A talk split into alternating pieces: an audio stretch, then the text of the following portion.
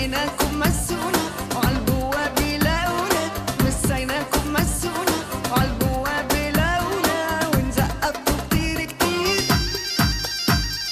بتكونوا بتحبوها.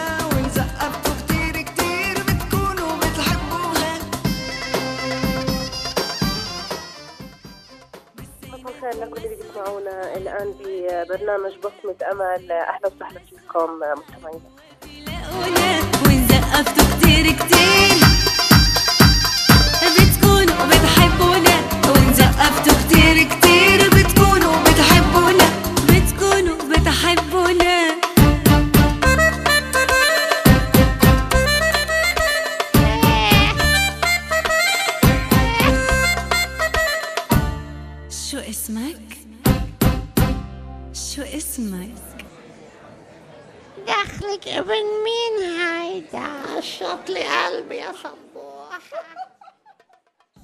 بطل عليكم على أثير إذاعة جامعة الطفيلة التقنية على تردد 91.3 ميجا هرتز بحلقة جديدة من برنامج بصمة أمل. وببصمة أمل جديدة أكيد اليوم بحلقة ميدانية. خليكم معنا.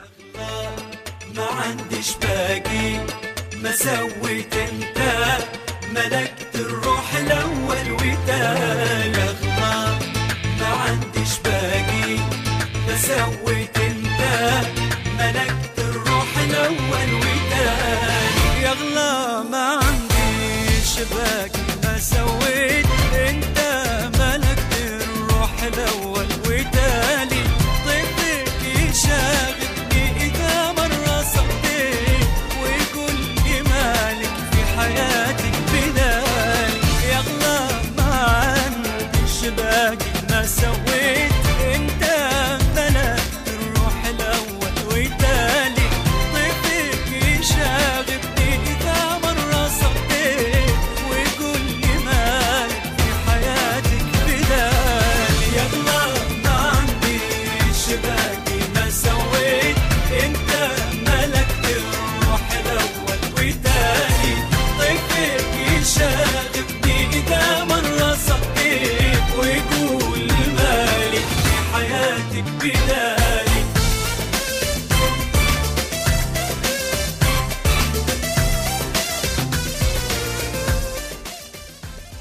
اليوم بحلقتنا الميدانية أكيد في البداية بحب أشكر آه، الزملاء آه، سوسن مرافي من الإعداد ومحمد ربيحاتي اللي الآن هو موجود باستديو الإذاعة بالجاليري. أكيد نوجه له تحية آه، بتواجدي أنا آه، زميلتي من الإعداد بتغطية ميدانية للحلقة في جمعية سيدات الطفيلة الخيرية مركز أمل للإرشاد آه، الأسري. لابد من ترك آه، بصمات من الأمل آه، واضحه بالجمعية وتحديدا في مركز أمل للإرشاد آه، الأسري، هذا الشيء آه، يعني مش جديد على آه، هذه الجمعية بإدارتها وبكادرها، آه، تركت البصمات الواضحة بعمل وبفريق عمل مبدع ومميز، أكيد رح نكون معكم بهاي الحلقة الميدانية. مستمعينا، خليكم معنا. دقيت بواب وبقلبي نار شعلاني نشفت على العين ميتكم وأنا ضليت عطشاني دقيت بواب ديرتكم وبقلبي نار شعلاني نشفت على العين ميتكم وأنا ضليت عطشاني دقيت الباب ما فتحته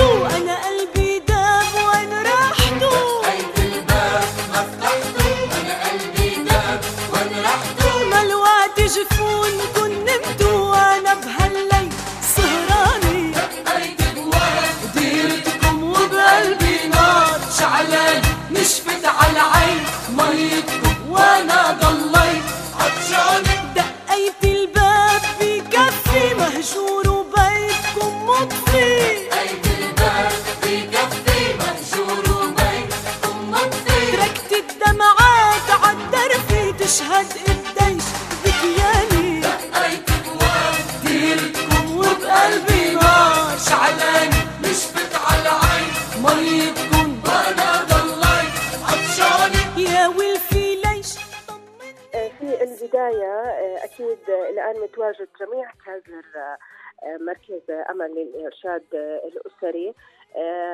يعني خلينا في البداية نرحب بست مها العبديين مديرة المشروع. يسعد أوقاتك يعطيك ألف عافية. يسعد مساهم وأهلا وسهلا فيهم بالجمعية عنا.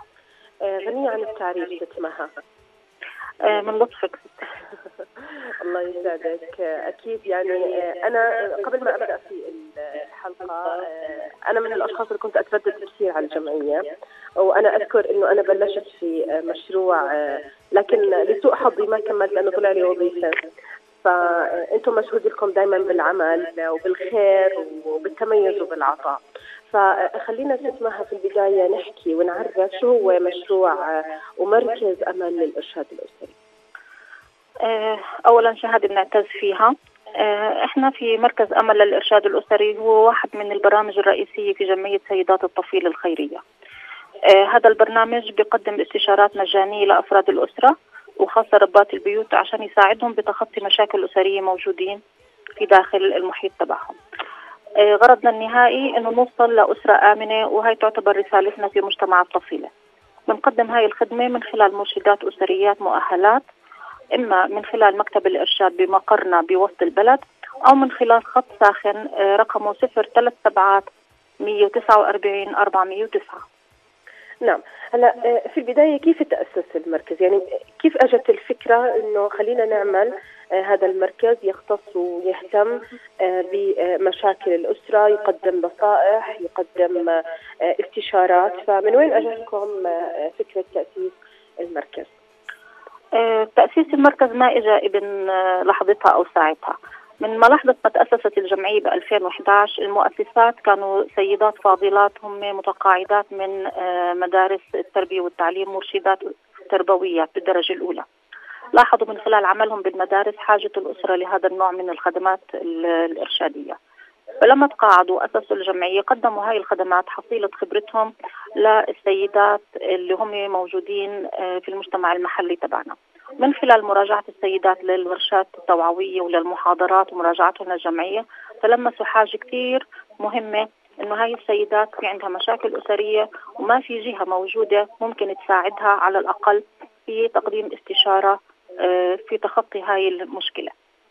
آه، في خلال هاي المرحلة آه، تأسس كمان الخط الساخن لأنه في سيدات آه، أبدوا رغبتهم إنه يصير التواصل آه، شخصي لكن مش من خلال المقر الجمعي اللي عليه آه، نحكي زيارات كثيرة فصارت العلاقة خاصة جدا من خلال الخط الساخن وبمنتهى السرية والسيدة لها كافة الحرية إنه ما تذكر اسمها حتى آه، فقط إنها تذكر شو مشكلتها وتتلقى الخدمة الاستشارية. نعم وساعدتوا يعني سيدات كان عندهم مشاكل عن طريق الهاتف عن طريق الخط الساخن. طبعا والحمد لله كان في عندنا قصص نجاح كثيرة من خلال الخط الساخن. آه، من واحدة من المؤشرات النجاح إنه الحالة بتنتقل من الخط الساخن بتوصل مكتب الإرشاد بشخصها وبنقدم لها الخدمة بتفاصيل وبجودة أفضل. دليل على إنه هي شعرت بالثقة وبالأمان. إنه آه، ما كان فقط اتصال هاتفي أو خط ساخن هي تحصل عليه على المعلومة عن طريقه. آه، كان في ثقة إنه هي تتردد على الجمعية وتيجي لعندكم لحتى آه، تاخذ النصيحة منكم. بالضبط. أنت حكيتي كلمتين جدا رائعات اللي هم الثقة والأمان. متى ما وثقت ربة الأسرة إنها بتاخذ خدمة ومتى ما حست بالأمان إنه بتاخذها بسرية وبتاخذها بجودة في الحالة هاي آه تواصلها بيكون أفضل وبالتالي ممكن نحن وياها نساعد إنه نتخطى هاي المشكلة تبعتها. نعم. آه، ست مها آه، احكي لنا أكثر عن آه، إنجازات مرحلة التأسيس آه، لما بنحكي عن ال 2014 لل 2017 هلا زي ما حكيت لك في البدايات التأسيس في 2011 تقريبا ل 2013 كان مرحلة آه، آه، سلسلة من المبادرات التطوعية قامت فيها المؤسسات الجمعية لهم كل الاحترام من عنا والتقدير. لكن في 2014 تقريبا آه، صار آه، في شيء اسمه مركز بن- آه، على صياغة محددة وممنهجة. حطينا فيه كادر بدينا في مرشدات تنتين فقط. المرشدات عملوا تدريب ل 12 مرشدة وأهلوهم. منهم خمسة حاليا موجودين معنا ضمن الكادر لحد السنة هاي.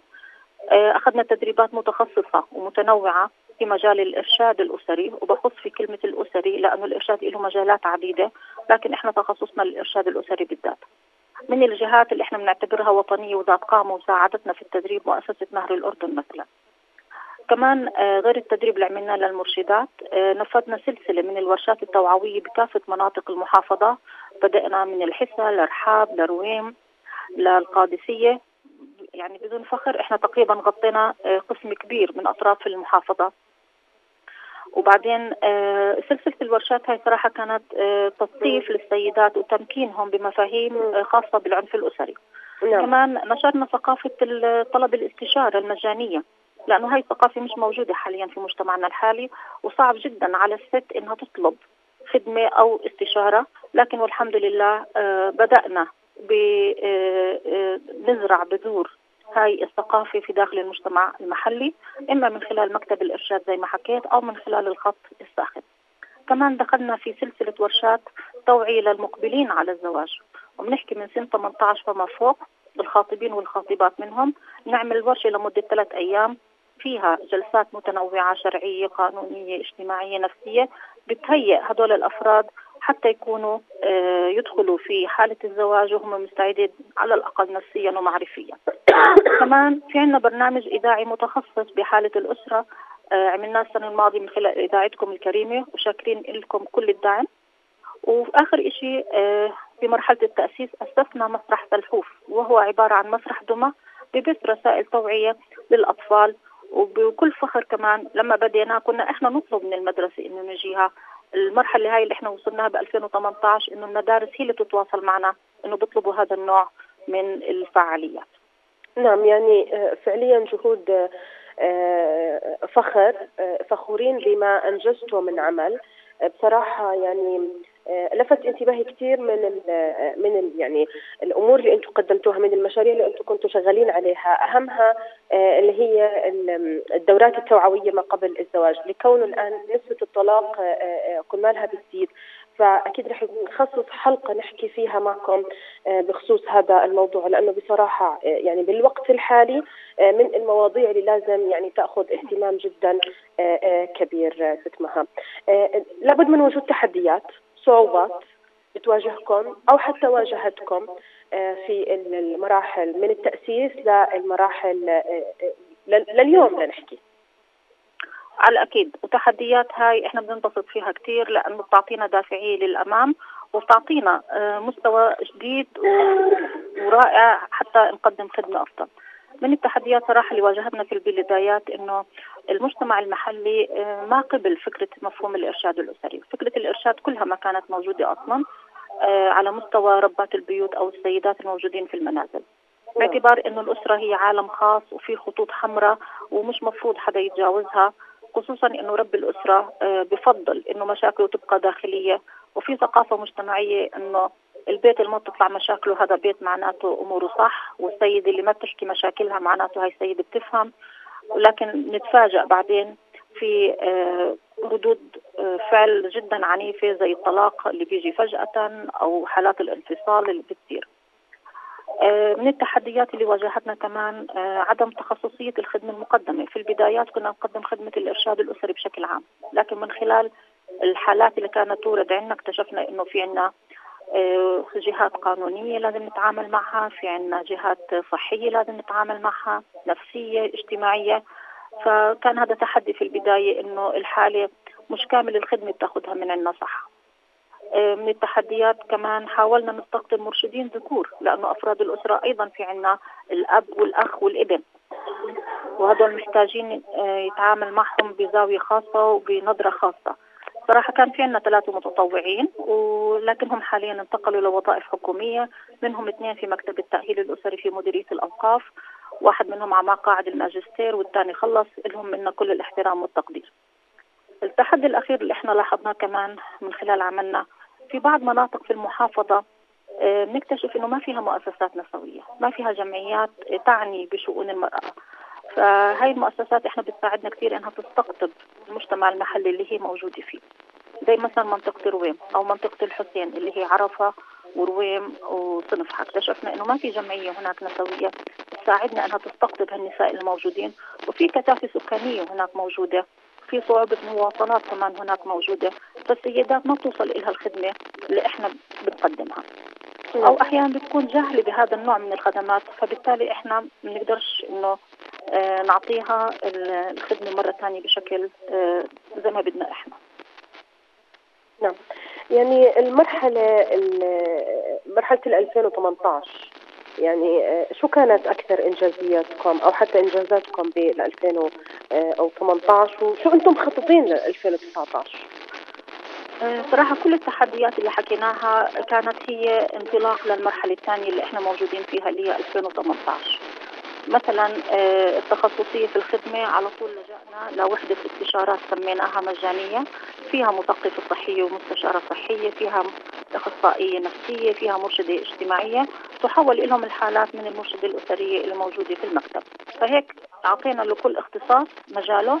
فبالتالي مستوى الخدمة رح يكون على أكيد أفضل لهدول السيدات.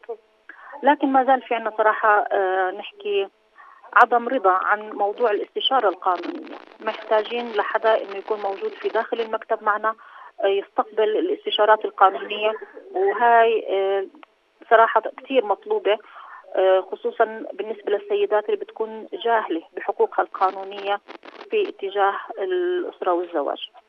نعم. آه، بالنسبة لمثلا منطقة رويم اللي عانينا فيها لما كنا ننفذ ورشاتنا ارتقينا نفتح مركز هناك سميناه مركز رويم للخدمات المجتمعية يقدم فعاليات مجتمعية لتمكين السيدات والفتيات والشابات في كافة المنطقة اللي هي منطقة الحسين اللي هي رويم وسنفحة وعرفة ورشات المقبلين على الزواج صرنا متخصصين أكثر بمفهوم التخطيط الإنجابي والمالي.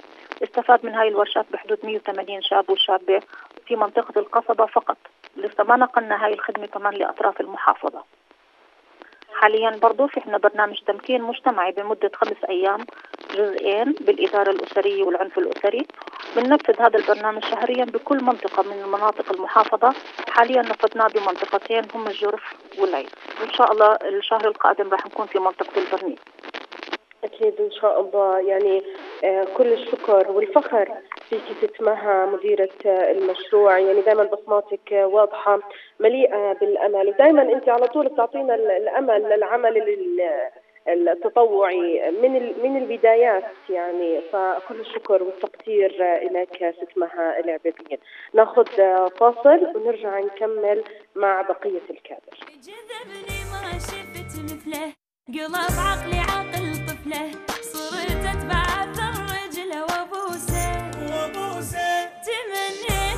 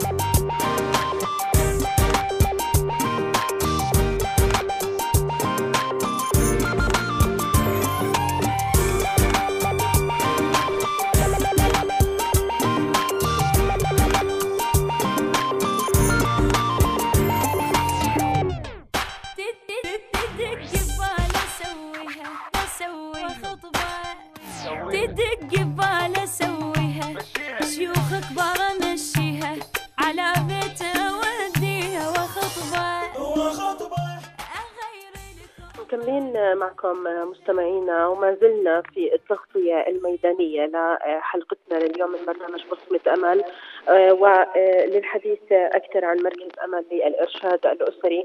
آه، كنا بنحكي من شوي مع مديرة المشروع اسمها العبيديين.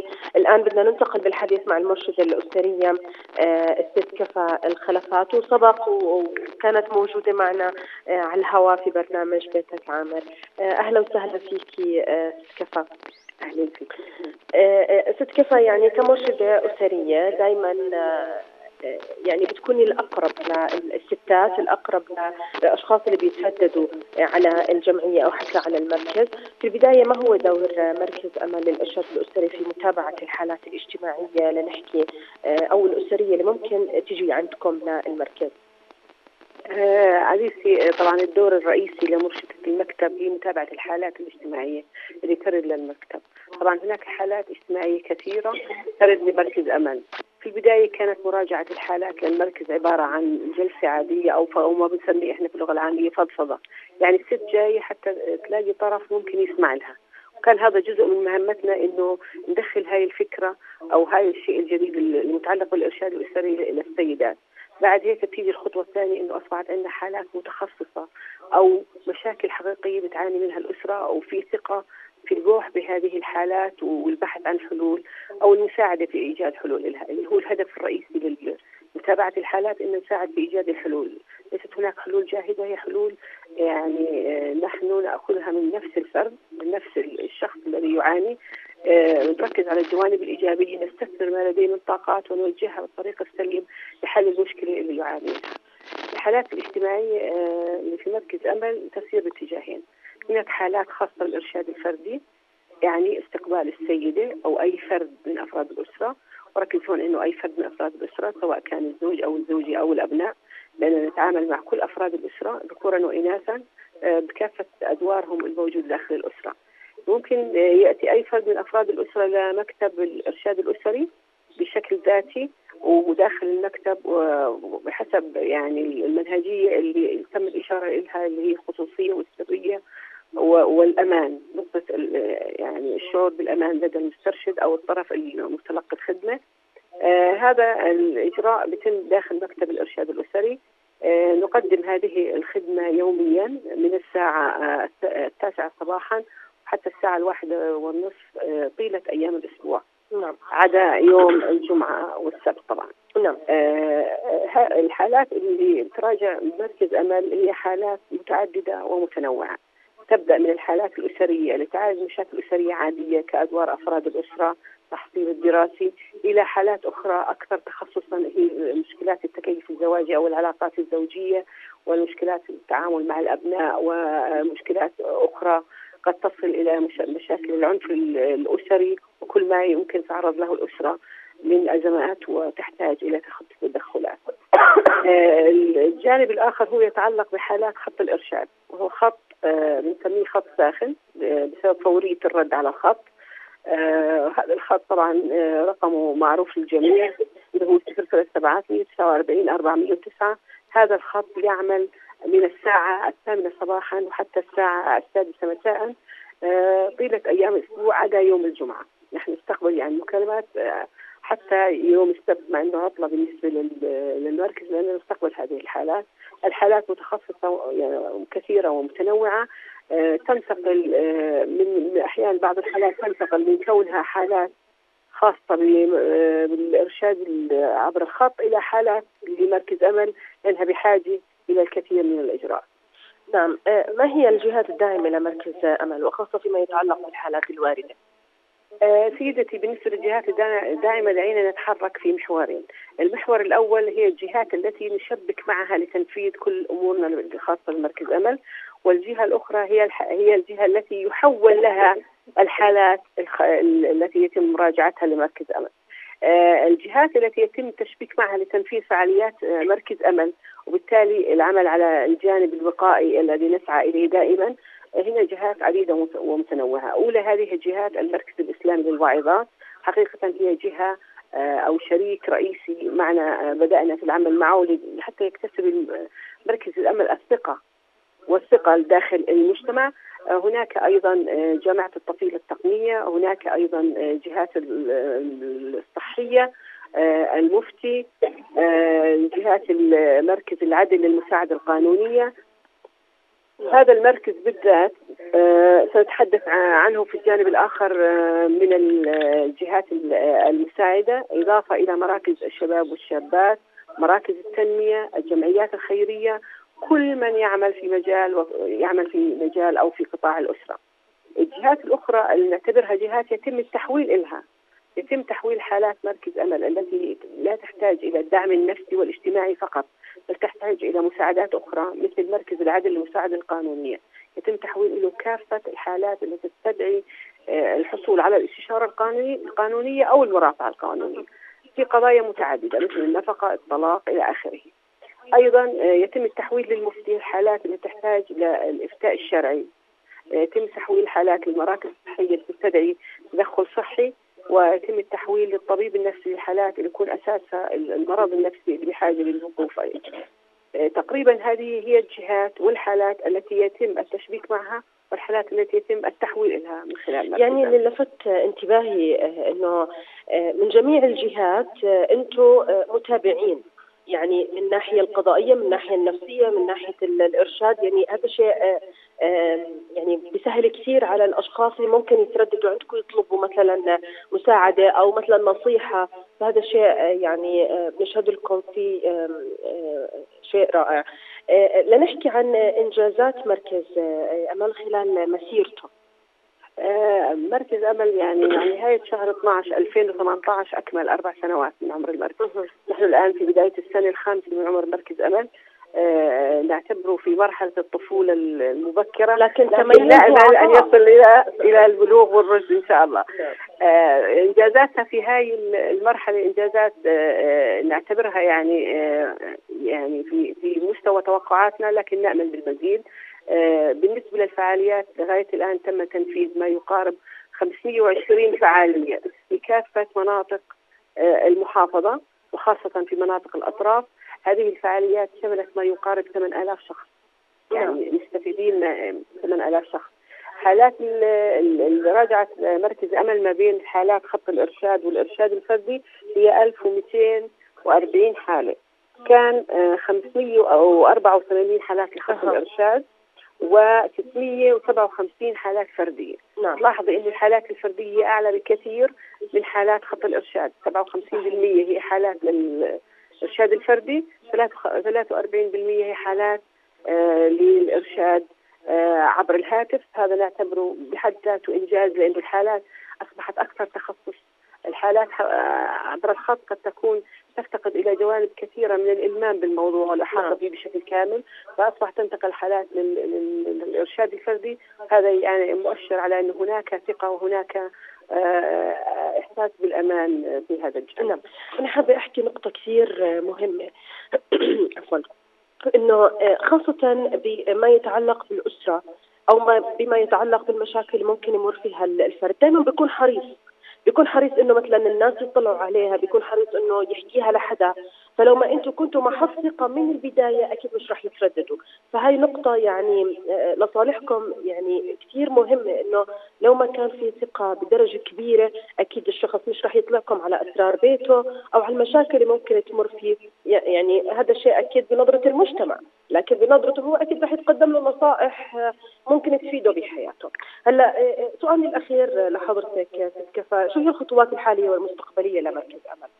مركز أمل يسعى للدخول للأسرة داخل المحافظة بشكل أكبر آه، بحاجة إلى يتلمس مشاكل الأسرة بشكل أكبر.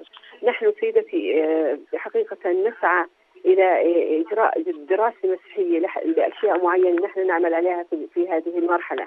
أشارت آه، آه، اسمها لمرحلة آه، ال- ال- الورش المتخصصة حول العنف الأسري وحول الإدارة الأسرية يعني بذلك الورش المجتمعية.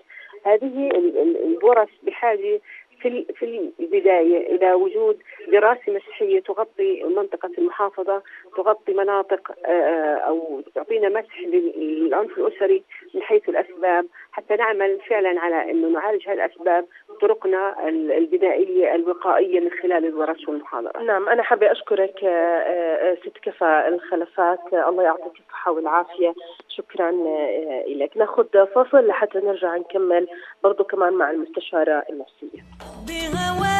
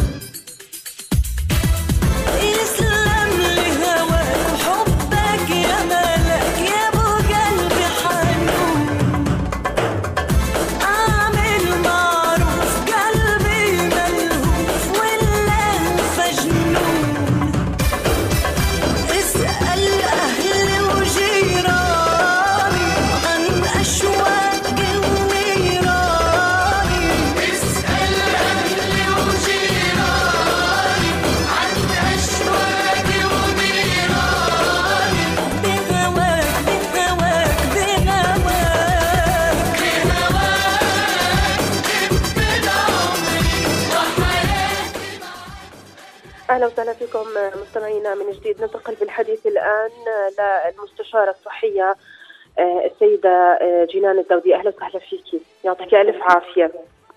آه، في البداية ما هو دورك في وحدة الإستشارات التابعة لمركز امل للارشاد الأسري؟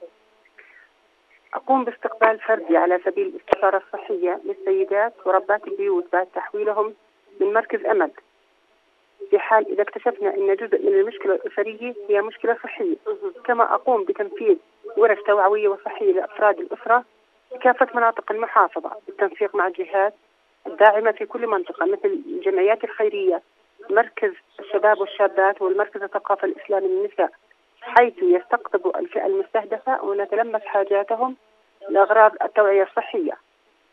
كما أقوم بتقديم الرعاية الصحية والإنجابية في المواضيع التالية مشاكل الجهاز الإنجابي فقر الدم لدى الحوامل وهشاشة العظام ونقص فيتامين د. وأقوم بتو... بتقديم التوعية حول الآثار الصحية للعنف الأسري بلغ عدد الورش المنفذة خلال هذا الشهر خلال شهر 12 أربع ورش صحية و12 حالة استشارة صحية. نعم. ما هي الإجراءات التعامل مع الحالات الصحية اللي بتكون محولة اليك من آه، آه، زميلاتك داخل المركز؟ نتعامل مع الحالات المحولة لنا بكل سرية وأمانة. في مكتب خاص بحيث أنا والسيدة لوحدنا أسمع منها وهي تتحدث بكل شفافية ووضوح. أقوم بتقديم المشورة والنصح لها وبعد ذلك أسجلها في سجل خاص بمركز أمل. وغالبا بعد تنفيذ الورش الصحية يتم الاستشارات من قبل السيدات المشاركات في تلك الورش. نعم. هل لمستي حاجة ملحة في هذا الجانب هو التثقيف الصحي لدى آه، السيدات اللي بترددوا عندكم على المركز؟ طبعا أكيد. لقد لاحظنا من خلال زياراتنا لبعض المناطق ووجود ثقافة مجتمعية بعدم زيارة السيدات المراكز بسبب ظروفهم المعيشية إلا بعد استفحال المرض مما يخلق مشاكل صحية أسرية مثل اكتئاب ما بعد النفاس. في مفاهيم مغلوطة عند السيدات وعلينا تصحيحها وفي حالة تعتبر حالة منفردة ولا يصح من إجراءات صحية عند السيدة إلا لا يجب تعميمه. لذلك بدأنا نحصر الحالات الصحية الأكثر شيوعا والح... والحاجة للاستشارات التوعوية. وعمل برامج صحية خاصة لها وخاصة بعد الانتهاء من الورش التوعوية نعم. أنا بدي أشكر تواجدك معنا آه، ست جنان الداودية المستشارة الصحية في مركز أمان للإرشاد الأسري. يعطيك ألف عافية. شكرا. الله يعافيك يا آه، ناخذ فاصل لحتى تكون معنا المستشارة فيك هوا يا هوا يا نسمة صيف ريحة تعدى على روحي وحبيبي. خدلو يا هوا وياك رسالة وردي يمكن يقرأ ويجي حبيبي. هوا يا هوا يا نسمة صيف ريحة تعدى على روحي وحبيبي. خدلو يا هوا وياك محمد.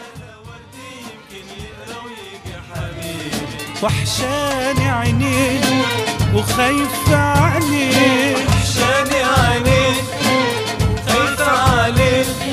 خد له يا هوا منديل يحوش الشمس وحر الشمس عن حبيب. اللي مسافر ده حبيبي يا نسمة صيف ريحة تعدي على روحي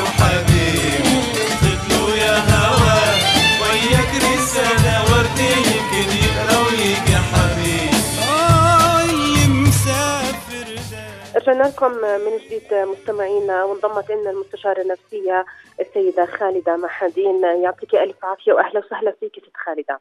أهلا وسهلا فيك يا عزيزتي. أهلا وسهلا فيك فرصه سعيدة إنه أكون على هوا جمعيه الطفيلة إذاعة أهلا الطفيلة. أهلا يا وسهلا. هلا فيكي. أهلا فيكي. آه، ست خالدة لنحكي ما هو دورك في وحدة الاستشارة التابعة لمركز أمل للإرشاد ال- أول شيء أهلا وسهلا فيكم جميعا وأنا بشرفني إني انضميت جديد لجمعية سيدات الطفيلة كأخصائية نفسية تقدم الاستشارات الترب النفسية والتربوية للسيدات الموجودات ملتحقات بالجمعية. آه، إحنا وظيفتنا تنقسم لعدة أقسام كأخصائية نفسية أول شيء التوعية والتثقيف الصحي النفسي بهذا الاتجاه بالإضافة لتقديم الاستشارات النفسية للسيدات اللي عندهم بعض المشاكل أو الظروف النفسية اللي ممكن إحنا نساعد بحل فيها. بالإضافة للتوجيه التربوي كوني أنا معي آه، دبلوم معي دبلوم عالي تربية. فالفكرة إنه إحنا وظيفتنا آه، مكملة للفريق الصحي النفسي اللي موجود في مركز الأمل للإرشاد. طبعا قمنا بالجمعية بهذا من ضمن هذا الفريق بعمل عدة محاضرات توعوية منها في جمعية الرويم ومنها منها آه، لقاء مع السيدات الواعظات في المركز الإسلامي في الطفيلة. بالإضافة لعمل عدة محاضرات في جمعية سيدات الطفيلة عن متى تكون الاستشارة النفسية.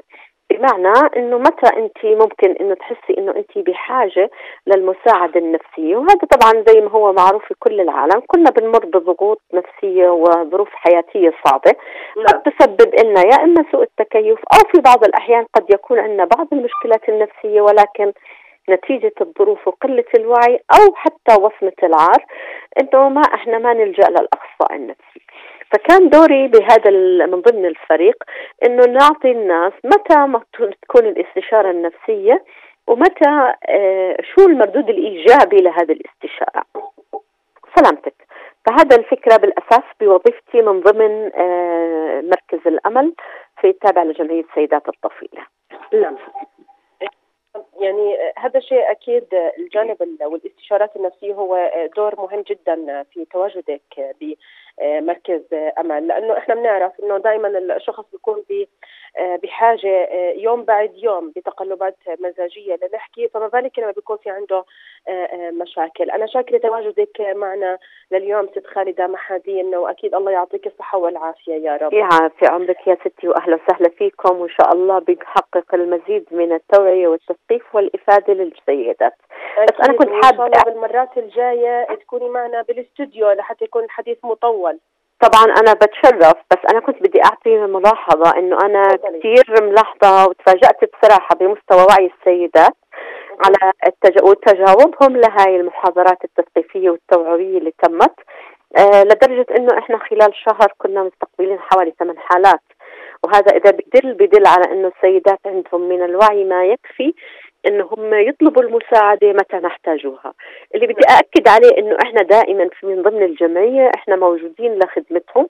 بس في نقطة مهمة كتير مهمة لازم توصل لكل السيدات وكل المستفيدين من الخدمة إنه خدمتنا نحن هي خدمة علمية وسرية في آن واحد. نعم. ست خالدة نعم. أنا سمعت إنه أنت كل يوم خميس بتكوني بالطفيلة فاليوم اليوم الخميس رح تكوني ضيفتنا في برنامج بيتك عامر أه لحتى نحكي ونذهب بالحديث أكثر. بتشرف يا عزيزتي وأنا جاهزة لأي وقت. بتشرف شكرا يعني. شكرا أهلا أكيد رح نتواصل معك وتكوني ضيفتنا في برنامج بيتك عامر. شكرا لك واجبك معنا. تحياتي للجميع. شكرا شكرا لك أهلا خالدة. نكمل بحديثنا محمد ما بدنا ناخذ فاصل. نكمل بحديثنا مع الآنسة عرين المرايات مديرة مركز رويم للخدمات المجتمعية. أهلا وسهلا فيكي عرين. أهلا وسهلا فيكي أنا عرين مرايات مرشدة في مركز أمل للإرشاد الأسري. أعمل حاليا مديرة لمركز رويم للخدمات. عندي خبرة أربع سنوات مع مركز أمل. كنت بدي أسألك متى بدأت الفعاليات عندك في المركز يعني أنت لك أربع سنوات في المركز ولا أربع سنوات في مركز رويم؟ لا أربع سنوات في مركز أمل. أه بدأنا عملنا في مركز رويم في 5 12 2018 أه منها عملنا نعم, نعم. منها عملنا أكثر من فعالية. من هاي الفعاليات عملنا جلسة تعريف في مركز أمل الإرشاد الأسري وبجمعية سيدات الطفيلة ومركز أمل آه مركز درويم للخدمات المجتمعية. عملنا كمان جلسة آه مسح احتياجات في المنطقة. كان فيها سيدات من المجتمع المحلي وسيدات من المجلس البلدي التابع للمنطقة. كمان عملنا جلسة حوارية للسيدات. زارونا أول مرة وتم تعريفهم في المكان وفي الخدمات اللي بنقدمها لهم آه عملنا ورشة حتى إنه في صبايا يعملون دمى صناعة دمى لحتى نستخدمها في مسرح الدمى سلحوف للأطفال في المنطقة اللي نحن بنشتغل فيها. ودربنا الفتيات على مسرح الدمى سلحوف وكمان عملنا ورشة مهارات حياة للشابات فوق 18 سنة. واستضفنا وحدة الاستشارات حتى إنهم يتحدثوا عن الخدمات اللي بدهم ي... اللي هم بيقدموها. من خلالهم لكل المناطق ومن ضمن مناطق منطقة سروين. كمان بدي أحكي عن متى ببدأ عملنا. ببدأ عملنا من الأحد للخميس من الساعة ثمانية ونص الصبح للساعة الواحدة والنصف مساء. نعم. مدى آه، إقبال ال- الناس؟ يعني بتشوفي إنه في إقبال آه، ل آه، يعني آه، أهالي الحي وال- والناس الساكنه هناك. يعني تشوفي بترددوا على المركز بيجوا ياخذوا استشارات بيجوا حتى يشاركوا آه، آه، بمنطقة الرويم. من بداية عملنا تم تحويل ثلاث حالات خلال الشهر. حولناها للمكتب الرئيسي وعملنا استقطاب وتقديم محاضرات ورش توعوية اللي هي 96 شاب وسيدة وكان من ضمنهم خمس رجال. آه يوجد كمان عندنا 16 متطوعة وهم من نفس المنطقة. آه بالنسبة لعدد الحضور الحد الأدنى كان لعدد حضور الورشات كان 15 سيدة وفتاة والحد الأعلى كان 31 سيدة. نفذنا 12 ورشة منذ افتتاح المركز. وحابة أضيف إنه آه عنا نقطة لازم أحكيها اللي هي آه فتحنا نادي شتوي للأطفال وراح إن شاء. الله نستهدف فيه 50 طفل. نعم. آه، شكرا لتواجدك معنا آه،. عرين يعطيك ألف عافية ولكونكم بلشين لكم شهر فكل التوفيق آه، لكم. شكرا لك. خلينا الله يعطيك ألف عافية يا رب. خلينا الآن يعني نحكي أكثر مع السيدة ابتهاج السواريس هي مستفيدة من خدمات مركز امل للارشاد آه، الأسري. رح نختم معك سيدة ابتهاج. أهلا وسهلا. فيكي. أهلا وسهلا فيك. الله يعافيك يا رب. شو هي تجربتك مع مركز أمل للارشاد الاسري آه، حدثينا أكثر بالنسبة لمركز أمل أنا بدي أحكي فعلا هو آه، فعلا عندي اسمه مركز أمل. يعني عندي وجدت كل الترحيب بطريقة خاصة وكانوا يركزوا على الجانب السري والخصوصي و... وأثر علي من نواحي كثيرة. يعني بالنسبة للناحية النفسية زادت ثقتي بنفسي وتغيرت وتغيرت العلاقة للأحسن مع زوجي وأولادي كل الناس. أيضا آه، من ناحية اجتماعية تدربت على مهارات كثيرة كيف أفهم الناس من خلال الورشات والمحاضرات والندوات وكانت تنعمل باستمرار يعني في المركز. أيضا من الجانب الاقتصادي بصراحة كنت بحاله مادية صعبة وبحاجة إلى دعم مادي آه، مركز أمل حولني للاستفادة من قروض الديوان يلي بتعمل عليه الجمعية وبدأت بمبلغ بسيط آه، زاد الدخل علي وعلى أولادي وحسيت بالأمان حتى أكمل فيه مشواري مع أسرتي. آه، أثر على اولادي كمان.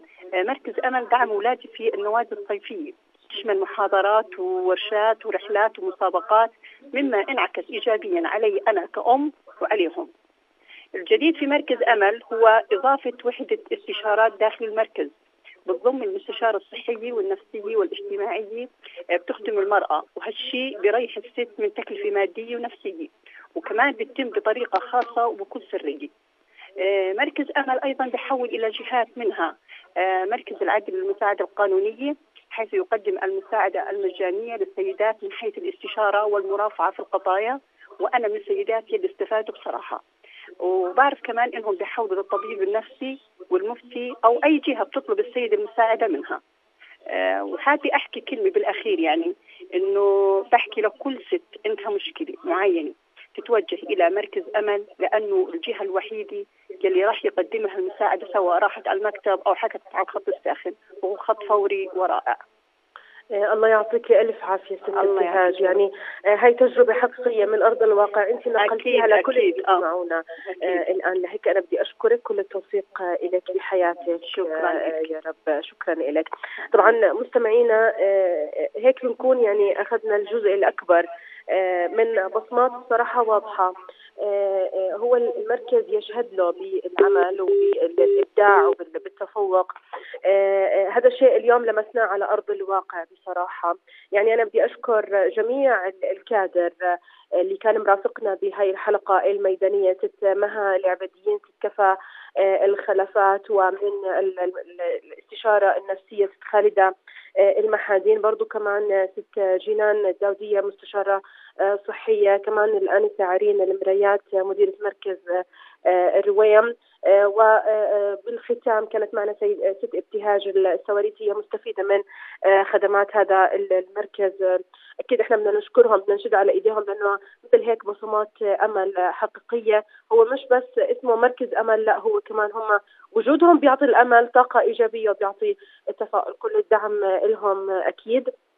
بختام حلقتنا لليوم مستمعين أنا بدي أشكر آه، آه، جميع الكادر آه، بهاي الحلقة آه، الميدانية، كمان بدي أشكر الزملاء من الإعداد سوسن مرافي من الاستوديو بالإذاعة آه، محمد ربيحات كان مرافقنا من الهندسة الإذاعية. هذه تحياتي ميس البداينة من وراء آه، أكيد اليوم مش من وراء الميكروفون. إحنا اليوم بحلقة ميدانية. على أمل لقاء في أمان الله.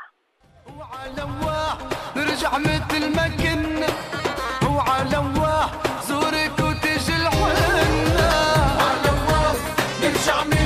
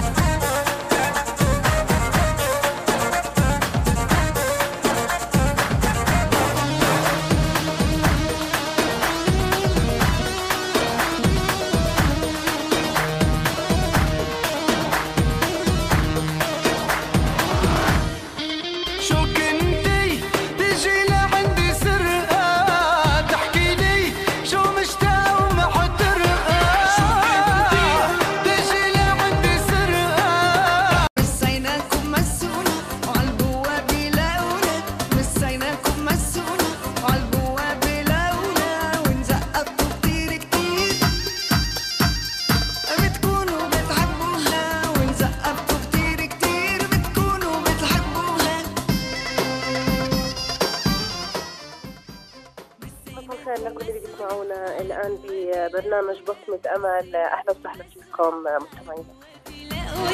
ونزقفتوا كتير كتير.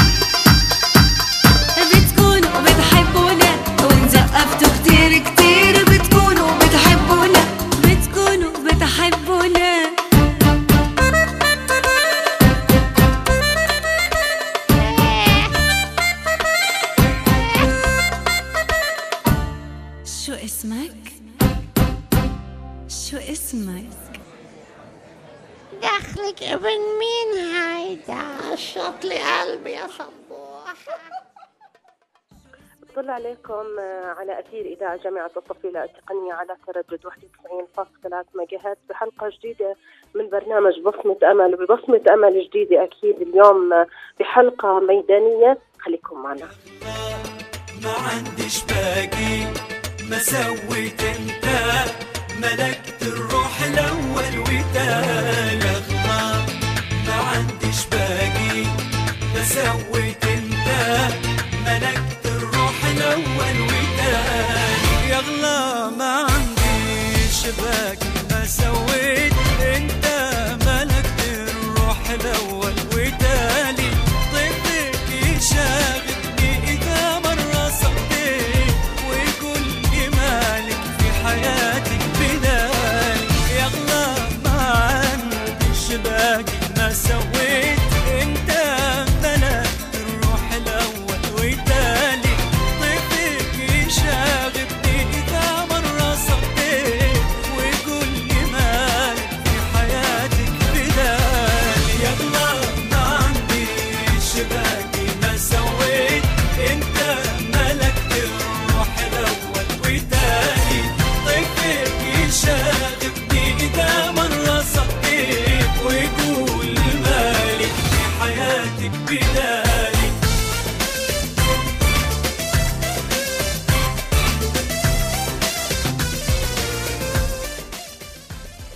اليوم بحلقتنا الميدانية أكيد في البداية بحب أشكر آه، الزملاء آه، سوسن مرافي من الإعداد ومحمد ربيحات اللي الآن هو موجود باستديو الإذاعة بالجاليري. أكيد نوجه له تحية آه، بتواجدي أنا وسوسن آه، زميلتي من الإعداد بتغطية ميدانية للحلقة في جمعية سيدات الطفيلة الخيرية مركز أمل للإرشاد. آه، الأسري لابد من ترك بصمات من الأمل آه، واضحة بالجمعية وتحديدا في مركز أمل للإرشاد آه، الأسري. هذا الشيء يعني مش جديد على هذه الجمعية بإدارتها وبكادرها. تركت البصمات الواضحة بعمل وبفريق عمل مبدع ومميز.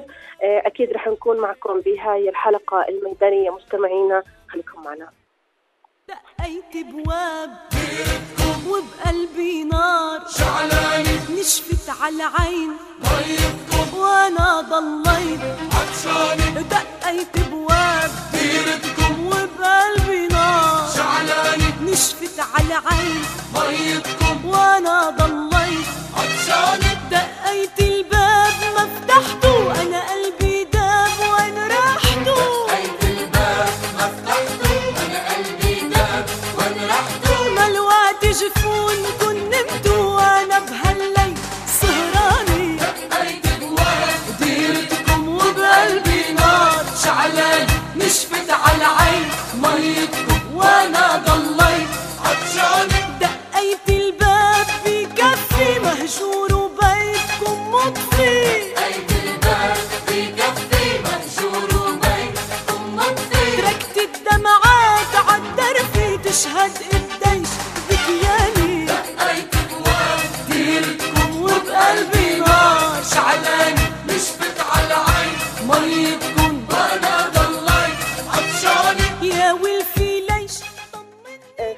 البداية آه، أكيد آه، الآن متواجد جميع كادر آه، مركز أمل للإرشاد الأسري.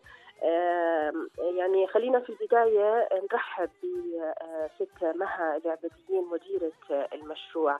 يسعد أوقاتك يعطيك ألف عافية. يسعد مساهم وأهلا وسهلا فيهم بالجمعية عنا. غنية عن التعريف ست مها. من لطفك. الله يسعدك. أكيد يعني أنا قبل ما أبدأ في الحلقة أنا من الأشخاص اللي كنت أتردد كثير على الجمعية وأنا أذكر إنه أنا بلشت في مشروع لكن لسوء حظي ما كملت لأنه طلع لي وظيفة. فانتم مشهود لكم دائما بالعمل وبالخير وبالتميز وبالعطاء. فخلينا ست في البداية نحكي ونعرف شو هو مشروع ومركز امل للأرشاد الأسري. آه، اولا شهادة بنعتز فيها. آه، إحنا في مركز امل للإرشاد الأسري هو واحد من البرامج الرئيسية في جمعية سيدات الطفيل الخيرية. آه، هذا البرنامج بيقدم استشارات مجانية لأفراد الأسرة وخاصة ربات البيوت عشان يساعدهم بتخطي مشاكل أسرية موجودين في داخل المحيط تبعهم. آه، غرضنا النهائي إنه نوصل لأسرة آمنة وهي تعتبر رسالتنا في مجتمع الطفيلة. بنقدم هاي الخدمة من خلال مرشدات أسريات مؤهلات إما من خلال مكتب الإرشاد بمقرنا بوسط البلد أو من خلال خط ساخن آه، رقمه صفر ثلاث سبعات 149 409 نعم. هلا آه، في البداية كيف تأسس المركز؟ يعني كيف أجت الفكرة إنه خلينا نعمل آه، هذا المركز يختص ويهتم آه، بمشاكل الأسرة يقدم نصائح يقدم آه، استشارات. فمن وين اجتكم آه، فكرة تأسيس المركز؟ تأسيس المركز ما إجا ابن لحظتها أو ساعتها. من ملاحظة ما تأسست الجمعية ب 2011 المؤسسات كانوا سيدات فاضلات هم متقاعدات من مدارس التربية والتعليم مرشدات تربويات بالدرجة الأولى. لاحظوا من خلال عملهم بالمدارس حاجة الأسرة لهذا النوع من الخدمات ال- الإرشادية.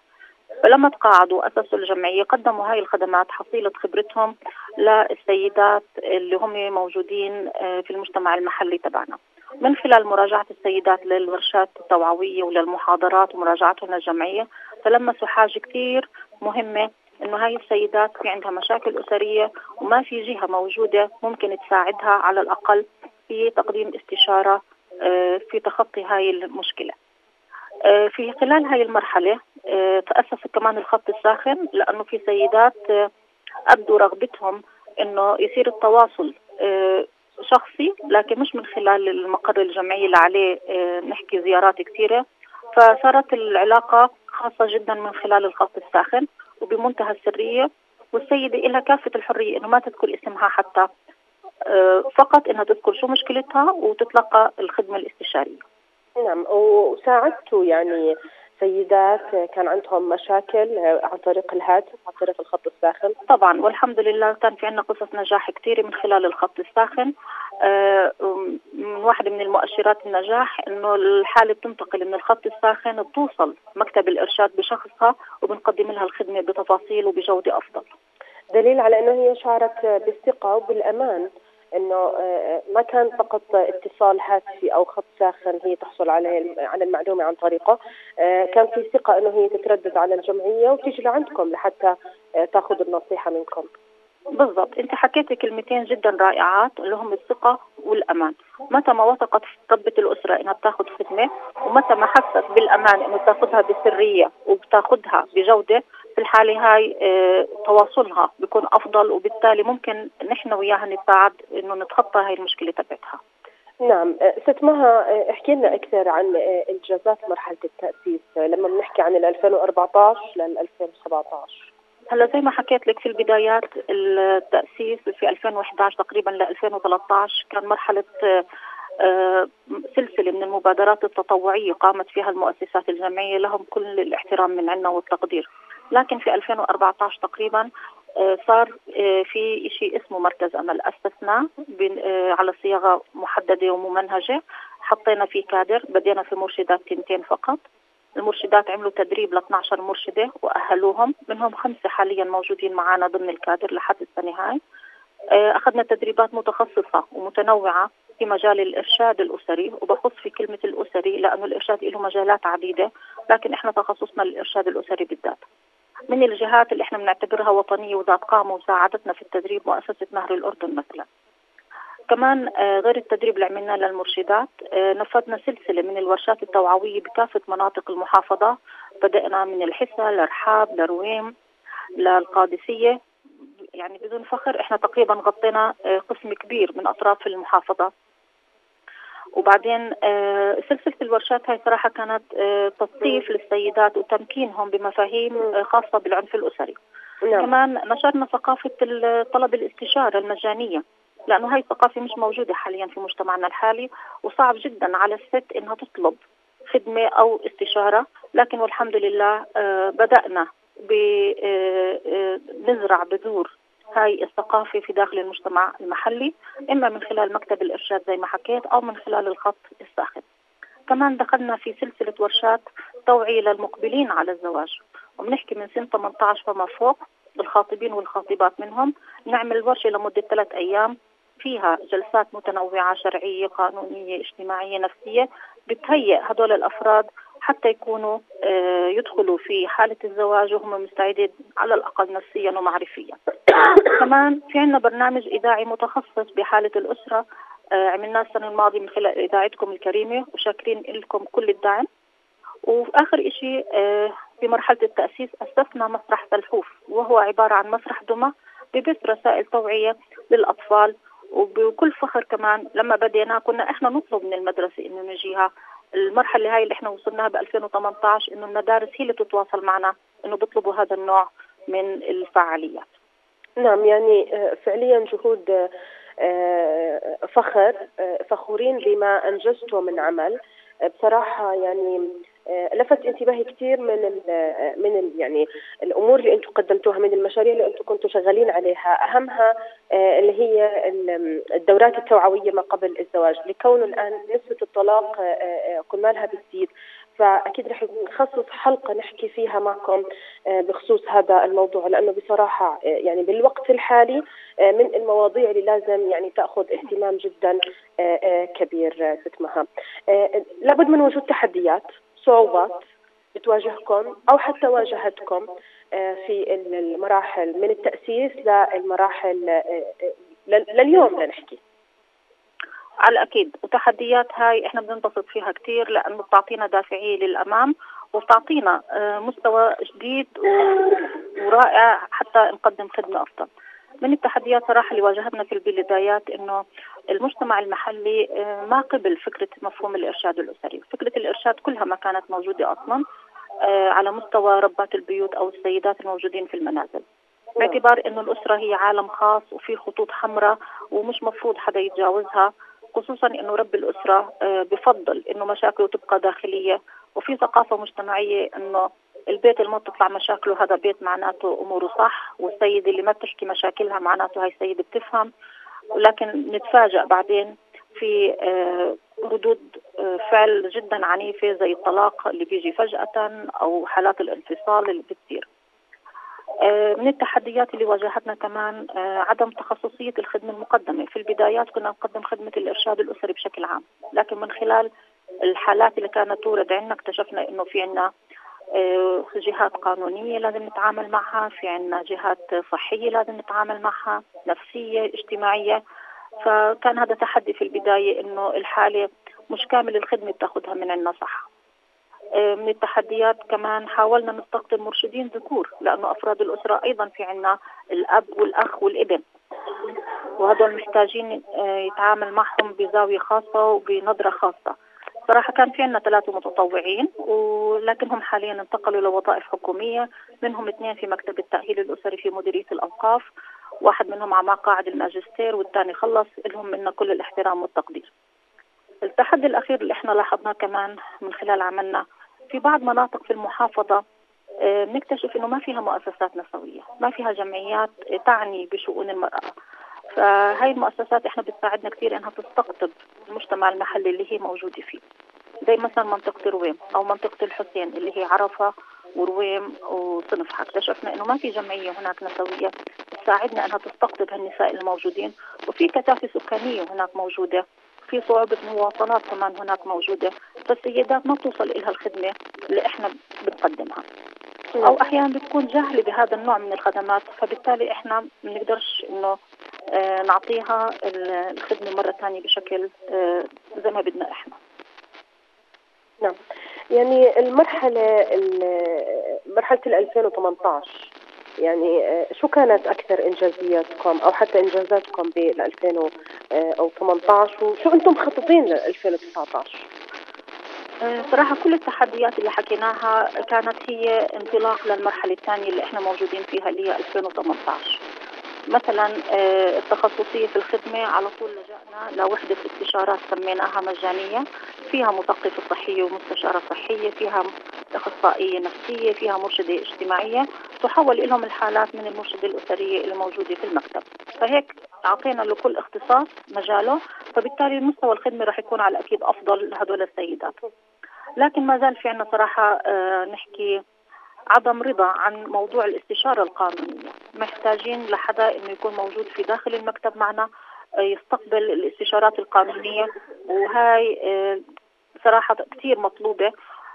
خصوصا بالنسبة للسيدات اللي بتكون جاهلة بحقوقها القانونية في اتجاه الأسرة والزواج نعم. آه، بالنسبة لمثلا منطقة رويم اللي عانينا فيها لما كنا ننفذ ورشاتنا ارتقينا نفتح مركز هناك سميناه مركز رويم للخدمات المجتمعية يقدم فعاليات مجتمعية لتمكين السيدات والفتيات والشابات في كافة المنطقة اللي هي منطقة الحسين اللي هي رويم وصنفحة وعرفة ورشات المقبلين على الزواج صرنا متخصصين أكثر بمفهوم التخطيط الإنجابي والمالي.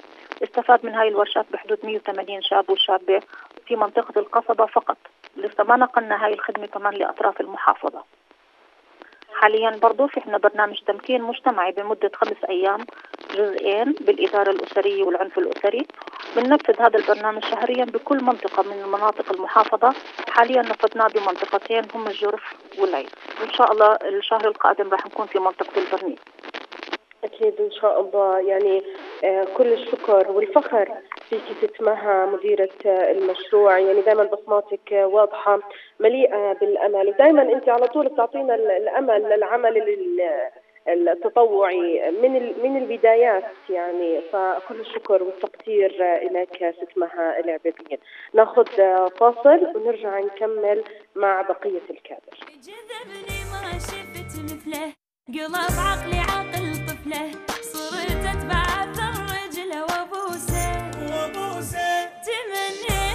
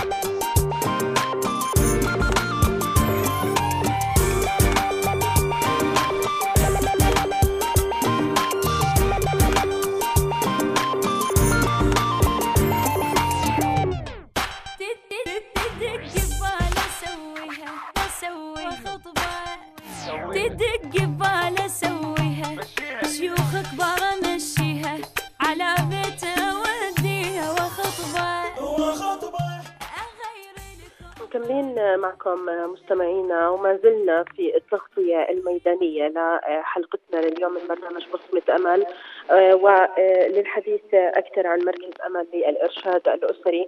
آه، كنا بنحكي من شوي مع مديرة المشروع اسمها العبيديين. الآن بدنا ننتقل بالحديث مع المرشدة الأسرية آه، الست كفى الخلفات. وسبق وكانت موجودة معنا آه، على الهواء في برنامج بيتك عامر. آه، أهلا وسهلا فيكي آه، ست كفى أهلا فيك ست كفى يعني كمرشدة أسرية دائما يعني بتكوني الأقرب للستات الأقرب للأشخاص اللي بيترددوا على الجمعية أو حتى على المركز. في البداية ما هو دور مركز أمل للإرشاد الأسري في متابعة الحالات الاجتماعية لنحكي آه، أو الأسرية اللي ممكن تجي عندكم للمركز؟ آه عزيزتي آه، طبعا الدور الرئيسي لمرشدة المكتب هي متابعة الحالات الاجتماعية اللي ترد للمكتب. طبعا هناك حالات اجتماعية كثيرة ترد لمركز أمل. في البداية كانت مراجعة الحالات للمركز عبارة عن جلسة عادية أو ما بنسميه إحنا في اللغة العامية فضفضة. يعني الست جاية حتى تلاقي طرف ممكن يسمع لها. وكان هذا جزء من مهمتنا إنه ندخل هاي الفكرة أو هاي الشيء الجديد المتعلق بالإرشاد الأسري للسيدات. بعد هيك بتيجي الخطوة الثانية إنه أصبحت عندنا حالات متخصصة أو مشاكل حقيقية بتعاني منها الأسرة أو في ثقة في البوح بهذه الحالات والبحث عن حلول أو المساعدة في إيجاد حلول لها اللي هو الهدف الرئيسي لمتابعه الحالات إنه نساعد في ايجاد الحلول ليست هناك حلول جاهزه هي حلول يعني آه، نحن نأخذها من نفس الفرد من نفس الشخص الذي يعاني آه، نركز على الجوانب الإيجابية نستثمر ما لديه من طاقات ونوجهها بالطريق السليم لحل المشكلة اللي يعاني منها. الحالات الاجتماعية آه، اللي في مركز أمل تسير باتجاهين. هناك حالات خاصة بالإرشاد الفردي يعني استقبال السيدة أو أي فرد من أفراد الأسرة وركز هون إنه أي فرد من أفراد الأسرة سواء كان الزوج أو الزوجة أو الأبناء لأننا نتعامل مع كل أفراد الأسرة ذكورا وإناثا آه، بكافة أدوارهم الموجودة داخل الأسرة. ممكن آه، يأتي أي فرد من أفراد الأسرة لمكتب الإرشاد الأسري بشكل ذاتي وداخل المكتب وبحسب يعني المنهجية اللي تم الإشارة إلها اللي هي الخصوصية والسرية و- والأمان نقطة ال- يعني الشعور بالأمان لدى المسترشد أو الطرف المتلقي الخدمة. آه هذا الإجراء بيتم داخل مكتب الإرشاد الأسري. آه نقدم هذه الخدمة يوميا من الساعة آه الت- التاسعة صباحا حتى الساعة الواحدة والنصف آه طيلة أيام الأسبوع. نعم. عدا يوم الجمعة والسبت طبعا. نعم. آه، الحالات اللي تراجع مركز أمل هي حالات متعددة ومتنوعة. تبدأ من الحالات الأسرية اللي تعالج مشاكل أسرية عادية كأدوار أفراد الأسرة تحصيل الدراسي إلى حالات أخرى أكثر تخصصا هي مشكلات التكيف الزواجي أو العلاقات الزوجية والمشكلات التعامل مع الأبناء ومشكلات أخرى قد تصل مش- مشاكل العنف ال- الأسري وكل ما يمكن تعرض له الأسرة من أزمات وتحتاج إلى تخطي تدخلات آه، الجانب الآخر هو يتعلق بحالات خط الإرشاد وهو خط بنسميه خط ساخن آه، بسبب فورية الرد على الخط. آه، هذا الخط طبعا آه، رقمه معروف للجميع اللي هو 03749 409 هذا الخط يعمل من الساعة الثامنة صباحا وحتى الساعة السادسة مساء آه، طيلة أيام الأسبوع عدا يوم الجمعة. نحن نستقبل يعني مكالمات آه، حتى يوم السبت مع إنه عطلة بالنسبة لل- للمركز لاننا نستقبل هذه الحالات، الحالات متخصصة يعني كثيرة ومتنوعة آه، تنتقل آه، من أحيانا بعض الحالات تنتقل من كونها حالات بال- آه، بالإرشاد ال- عبر الخط إلى حالات لمركز أمل لانها بحاجه إلى الكثير من الإجراءات. نعم ما هي الجهات الداعمة لمركز أمل وخاصة فيما يتعلق بالحالات الواردة سيدتي بالنسبة للجهات الداعمة دعينا نتحرك في محورين. المحور الأول هي الجهات التي نشبك معها لتنفيذ كل أمورنا الخاصة بمركز أمل. والجهة الأخرى هي. هي الجهة التي يحول لها الحالات التي يتم مراجعتها لمركز أمل. آه، الجهات التي يتم التشبيك معها لتنفيذ فعاليات آه، مركز أمل. وبالتالي العمل على الجانب الوقائي الذي نسعى إليه دائما. هنا جهات عديدة ومت- ومتنوعة. أولى هذه الجهات المركز الإسلامي للواعظات حقيقة هي جهة آه، أو شريك رئيسي معنا آه، بدأنا في العمل معه حتى يكتسب مركز الأمل الثقة والثقة داخل المجتمع. آه، هناك أيضا آه، جامعة الطفيلة التقنية هناك أيضا آه، جهات ال- ال- الصحية آه، المفتي جهات ال- مركز العدل للمساعدة القانونية. هذا المركز بالذات آه، سنتحدث عنه في الجانب الآخر آه، من الجهات ال- المساعدة. إضافة إلى مراكز الشباب والشابات مراكز التنمية الجمعيات الخيرية كل من يعمل في مجال يعمل في مجال أو في قطاع الأسرة. الجهات الأخرى اللي نعتبرها جهات يتم التحويل إلها. يتم تحويل حالات مركز أمل التي لا تحتاج إلى الدعم النفسي والاجتماعي فقط. بل تحتاج إلى مساعدات أخرى مثل مركز العدل للمساعدة القانونية يتم تحويل له كافة الحالات التي تستدعي آه، الحصول على الاستشارة القانوني- القانونية أو المرافعة القانونية في قضايا متعددة مثل النفقة الطلاق إلى آخره. أيضا آه، يتم التحويل للمفتي الحالات التي تحتاج إلى الإفتاء الشرعي. آه، يتم تحويل الحالات للمراكز الصحية اللي تستدعي تدخل صحي ويتم التحويل للطبيب النفسي للحالات اللي يكون أساسها المرض النفسي اللي بحاجة للوقوف. آه، تقريبا هذه هي الجهات والحالات التي يتم التشبيك معها والحالات التي يتم التحويل لها من خلال مركز يعني. اللي لفت انتباهي آه، إنه آه، من جميع الجهات أنتم متابعين يعني من الناحيه القضائية من الناحيه النفسية من ناحية ال- الإرشاد يعني هذا شيء يعني بيسهل كثير على الأشخاص اللي ممكن يترددوا عندكم يطلبوا مثلا مساعدة أو مثلا نصيحة. فهذا شيء آه، يعني آه، بنشهد لكم فيه آه، شيء رائع. آه، لنحكي عن إنجازات مركز آه، أمل خلال مسيرته. آه، مركز أمل يعني مع نهاية شهر 12 2018 أكمل أربع سنوات من عمر المركز. نحن الآن في بداية السنة الخامسة من عمر مركز أمل. آه، نعتبره في مرحلة الطفولة المبكرة لكن تميزه أن عطاء. يصل إلى إلى البلوغ والرشد إن شاء الله. آه، إنجازاتنا في هاي المرحلة إنجازات آه، آه، نعتبرها يعني آه، يعني في في مستوى توقعاتنا لكن نأمل بالمزيد. آه، بالنسبة للفعاليات لغاية الآن تم تنفيذ ما يقارب 520 فعالية في كافة مناطق آه، المحافظة وخاصة في مناطق الأطراف. هذه الفعاليات شملت ما يقارب 8000 شخص. يعني مستفيدين آه، 8000 شخص. حالات ال- ال- اللي راجعت مركز أمل ما بين حالات خط الإرشاد والإرشاد الفردي هي 1240 حالة.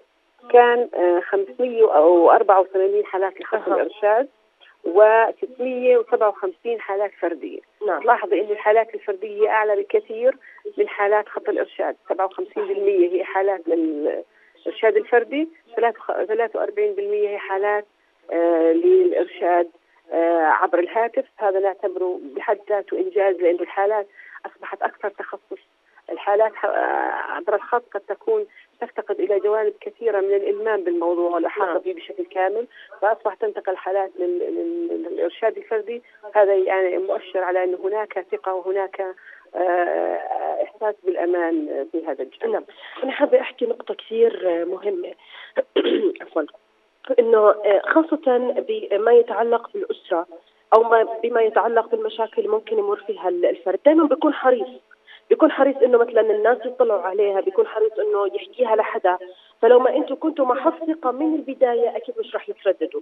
فهاي نقطة يعني آه، لصالحكم يعني كثير مهمه إنه لو ما كان في ثقة بدرجة كبيرة أكيد الشخص مش رح يطلعكم على أسرار بيته أو على المشاكل اللي ممكن تمر فيه. يعني هذا الشيء أكيد بنظرة المجتمع. لكن بنظرته هو أكيد رح يتقدم له نصائح آه، ممكن تفيده بحياته. هلأ آه، سؤالي الأخير لحضرتك ست كفا شو هي الخطوات الحالية والمستقبلية لمركز أمل؟ مركز أمل يسعى للدخول للأسرة داخل المحافظة بشكل أكبر آه، بحاجة إلى يتلمس مشاكل الأسرة بشكل أكبر. نحن سيدتي آه، حقيقة نسعى إلى آه، إجراء دراسة مسيحية لح- لأشياء معينة نحن نعمل عليها في, هذه المرحلة. أشارت آه، آه، اسمها لمرحلة آه، ال- الورش المتخصصة حول العنف الأسري وحول الإدارة الأسرية يعني بذلك الورش المجتمعية. هذه ال- ال- الورش بحاجة في في البداية إلى وجود دراسة مسيحية تغطي منطقة المحافظة تغطي مناطق آه، أو تعطينا مسح للعنف الأسري من حيث الأسباب حتى نعمل فعلا على أنه نعالج هذه الأسباب طرقنا ال- البدائية الوقائية من خلال الورش والمحاضرات نعم أنا حابة أشكرك آه، آه، آه، ست كفى الخلفات. آه، الله يعطيك الصحة والعافية. شكرا آه، لك نأخذ فاصل لحتى نرجع نكمل برضو كمان مع المستشارة النفسية. بهواك ابتدى عمري وحياتي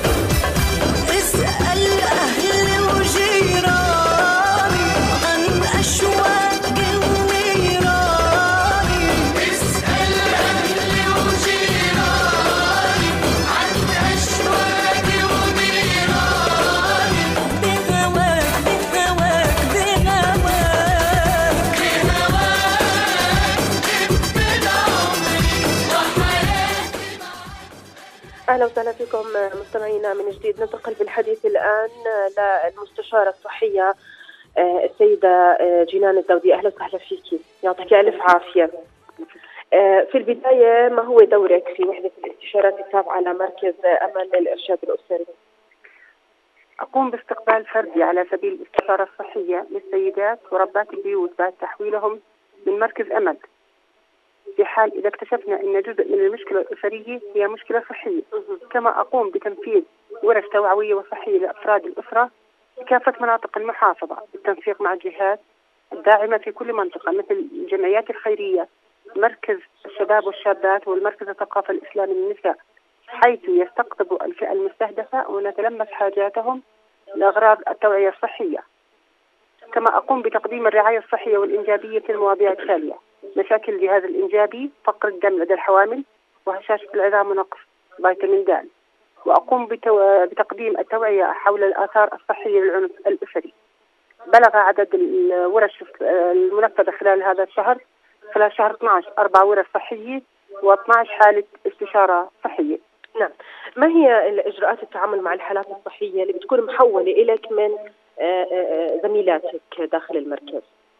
نتعامل مع الحالات المحولة لنا بكل سرية وأمانة في مكتب خاص بحيث أنا والسيدة لوحدنا أسمع منها وهي تتحدث بكل شفافية ووضوح. أقوم بتقديم المشورة والنصح لها وبعد ذلك أسجلها في سجل خاص بمركز أمل.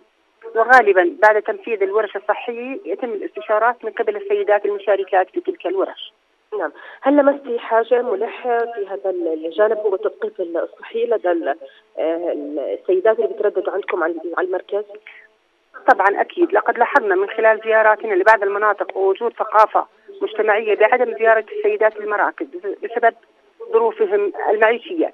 إلا بعد استفحال المرض مما يخلق مشاكل صحية أسرية مثل اكتئاب ما بعد النفاس. في مفاهيم مغلوطة عند السيدات وعلينا تصحيحها وفي حالة تعتبر حالة منفردة ولا يصح من إجراءات صحية عند السيدة إلا لا يجب تعميمه لذلك بدأنا نحصر الحالات الصحية الأكثر شيوعا والح... والحاجة للاستشارات التوعوية وعمل برامج صحية خاصة لها وخاصة بعد الانتهاء من الورش التوعوية نعم. أنا بدي أشكر تواجدك معنا آه، ست جنان الداودية المستشارة الصحية في مركز أمان للإرشاد الأسري. يعطيك ألف عافية. شكرا. الله يعافيك يا آه، ناخذ فاصل لحتى تكون معنا المستشارة النفسية. هوا يا هوا يا نسمة صيف ريحة تعدى على روحي وحبيبي. خدلو يا هوا وياك رسالة وردي يمكن يقرأ ويجي حبيبي. هوا يا هوا. على روحي وحبيبي خدلو يا وياك محمد وحشاني عينيك وخايف عليك وحشاني عينيك خايفة عليك خدلو يا هوا منديل يحوش الشمس وحر الشمس عن حبيب. اللي مسافر ده حبيبي. يا نسمة صيف ريحة تعدي على روحي وحبيبي. خدلو يا هوا وياك رسالة وردي يمكن يقرا ويجي حبيبي. آه اللي مسافر ده. رجعنا لكم من جديد مستمعينا وانضمت لنا المستشارة النفسية السيدة خالدة محدين. يعطيك ألف عافية وأهلا وسهلا فيك ست خالدة. أهلا وسهلا فيك يا عزيزتي. أهلا وسهلا فيك. فرصة سعيدة إنه أكون على هوا جمعيه الطفيلة إذاعة الطفيلة. أهلا يا هلا فيكي. أهلا فيكي. آه، ست خالدة لنحكي ما هو دورك في وحدة الاستشارات التابعة لمركز أمل للإرشاد ال- الأسري؟ أول شيء أهلا وسهلا فيكم جميعا وأنا بشرفني إني انضميت جديد لجمعية سيدات الطفيلة كأخصائية نفسية تقدم الاستشارات الترب النفسية والتربوية للسيدات الموجودات ملتحقات بالجمعية. آه، إحنا وظيفتنا تنقسم لعدة أقسام.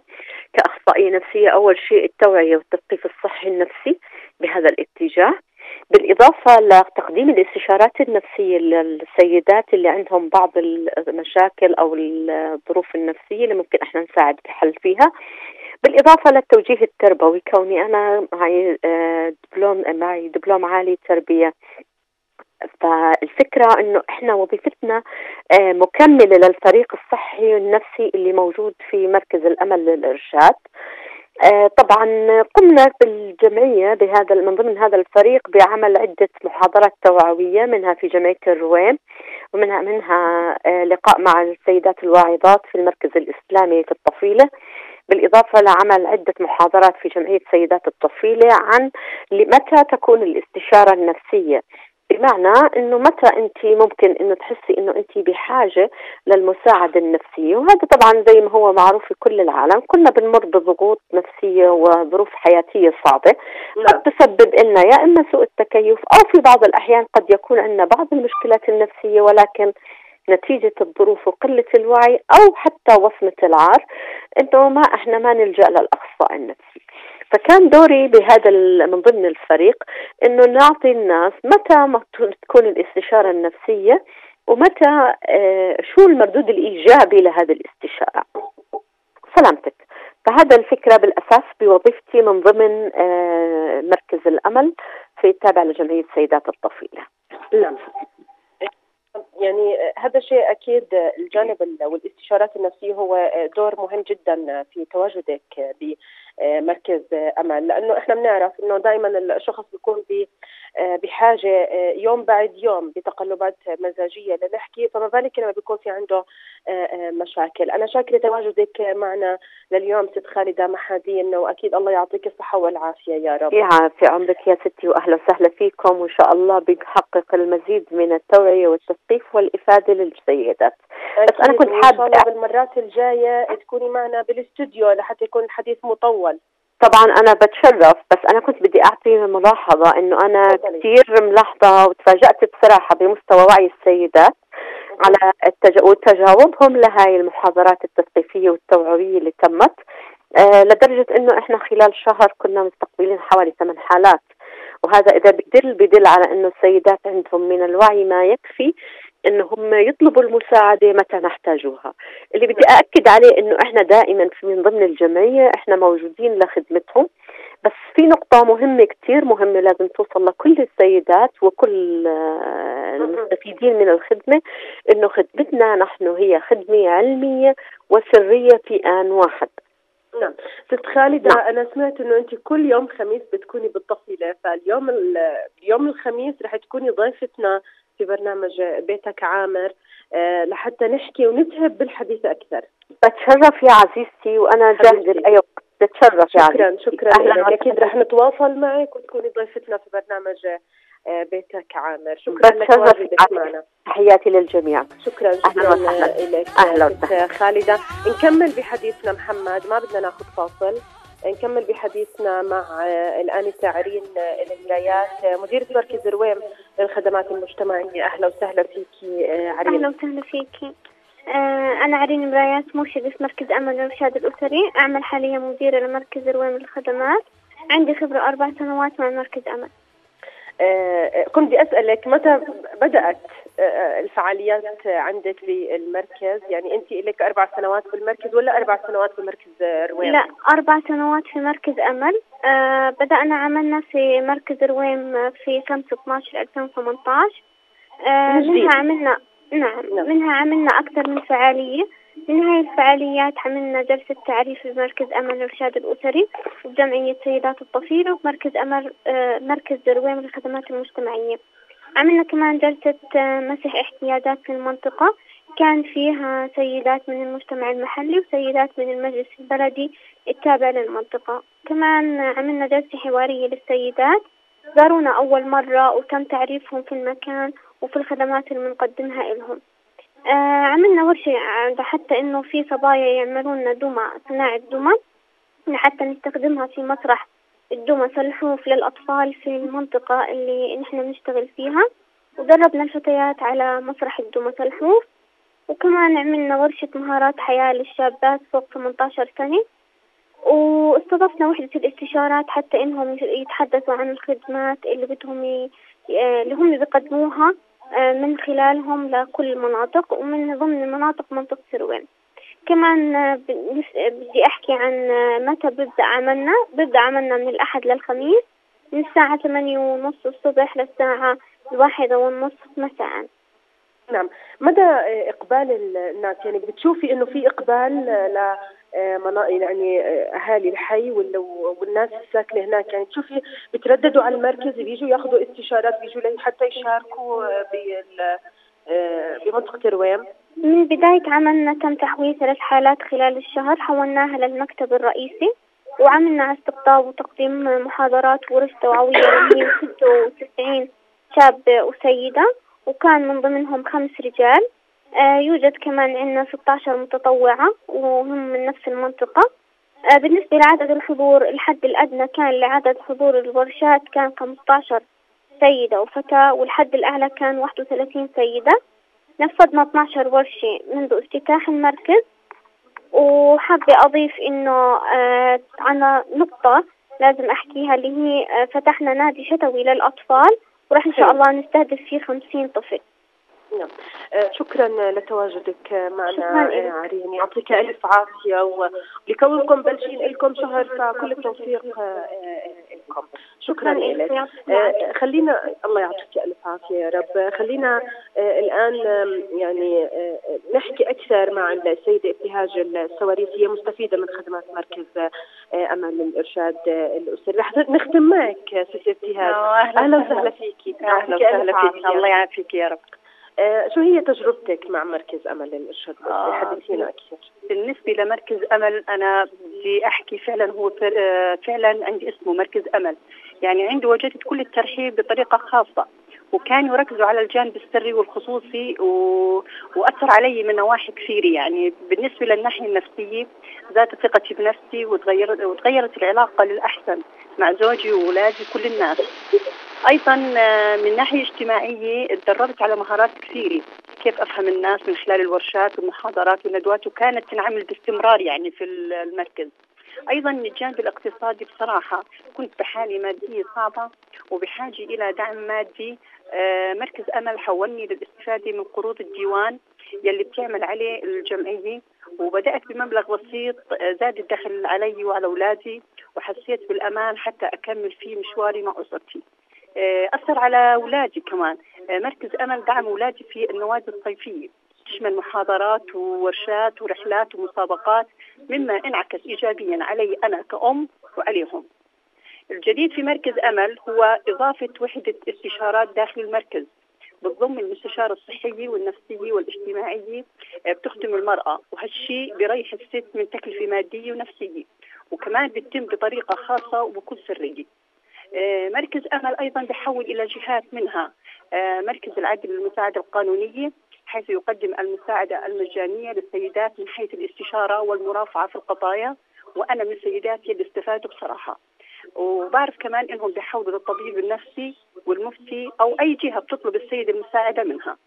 آه وحابة أحكي كلمة بالأخير يعني إنه بحكي لكل ست عندها مشكلة معينة تتوجه إلى مركز أمل لأنه الجهة الوحيدة يلي راح يقدمها المساعدة سواء راحت على المكتب أو حكت على الخط الساخن وهو خط فوري ورائع. آه، الله يعطيك ألف عافية ست الله ابتهاج. يعني آه، هاي تجربة حقيقية من أرض الواقع. أنت نقلتيها لكل اللي آه. بيسمعونا آه، الآن لهيك أنا بدي أشكرك. كل التوفيق لك بحياتك شكراً لك. يا رب. شكرا لك طبعا مستمعينا هيك بنكون يعني أخذنا الجزء الأكبر من بصمات صراحة واضحة. آه، آه، هو المركز يشهد له بالعمل وبالإبداع وبالتفوق. آه، آه، هذا الشيء اليوم لمسناه على أرض الواقع بصراحة. يعني أنا بدي أشكر جميع ال- الكادر آه، اللي كان مرافقنا بهاي الحلقة الميدانية. ست مها العبديين ست كفى آه، الخلفات ومن ال- ال- ال- الاستشارة النفسية ست خالدة آه، المحادين برضو كمان آه، ست جينان الداوديه مستشارة آه، صحية. كمان الانسه عرين المريات آه، مديرة مركز آه، آه، الرويم. آه، وبالختام كانت معنا آه، ست ابتهاج السواريتية مستفيدة من آه، خدمات هذا المركز. آه، أكيد إحنا بدنا نشكرهم بدنا نشد على إيديهم لأنه مثل هيك بصمات آه، أمل آه، حقيقية. هو مش بس اسمه مركز أمل لا هو كمان هم وجودهم بيعطي الأمل طاقة إيجابية وبيعطي التفاؤل كل الدعم آه، لهم آه، أكيد. بختام حلقتنا لليوم مستمعين أنا بدي أشكر آه، آه، جميع الكادر آه، بهاي الحلقة آه، الميدانية. كمان بدي أشكر الزملاء من الإعداد سوسن مرافي من الاستوديو بالإذاعة آه، محمد ربيحات كان مرافقنا من الهندسة الإذاعية. هذه تحياتي ميس البداينة من وراء أكيد اليوم مش من وراء الميكروفون. إحنا اليوم بحلقة ميدانية. على أمل لقاء في أمان الله. نرجع مثل ما كنا. وعلى الله زورك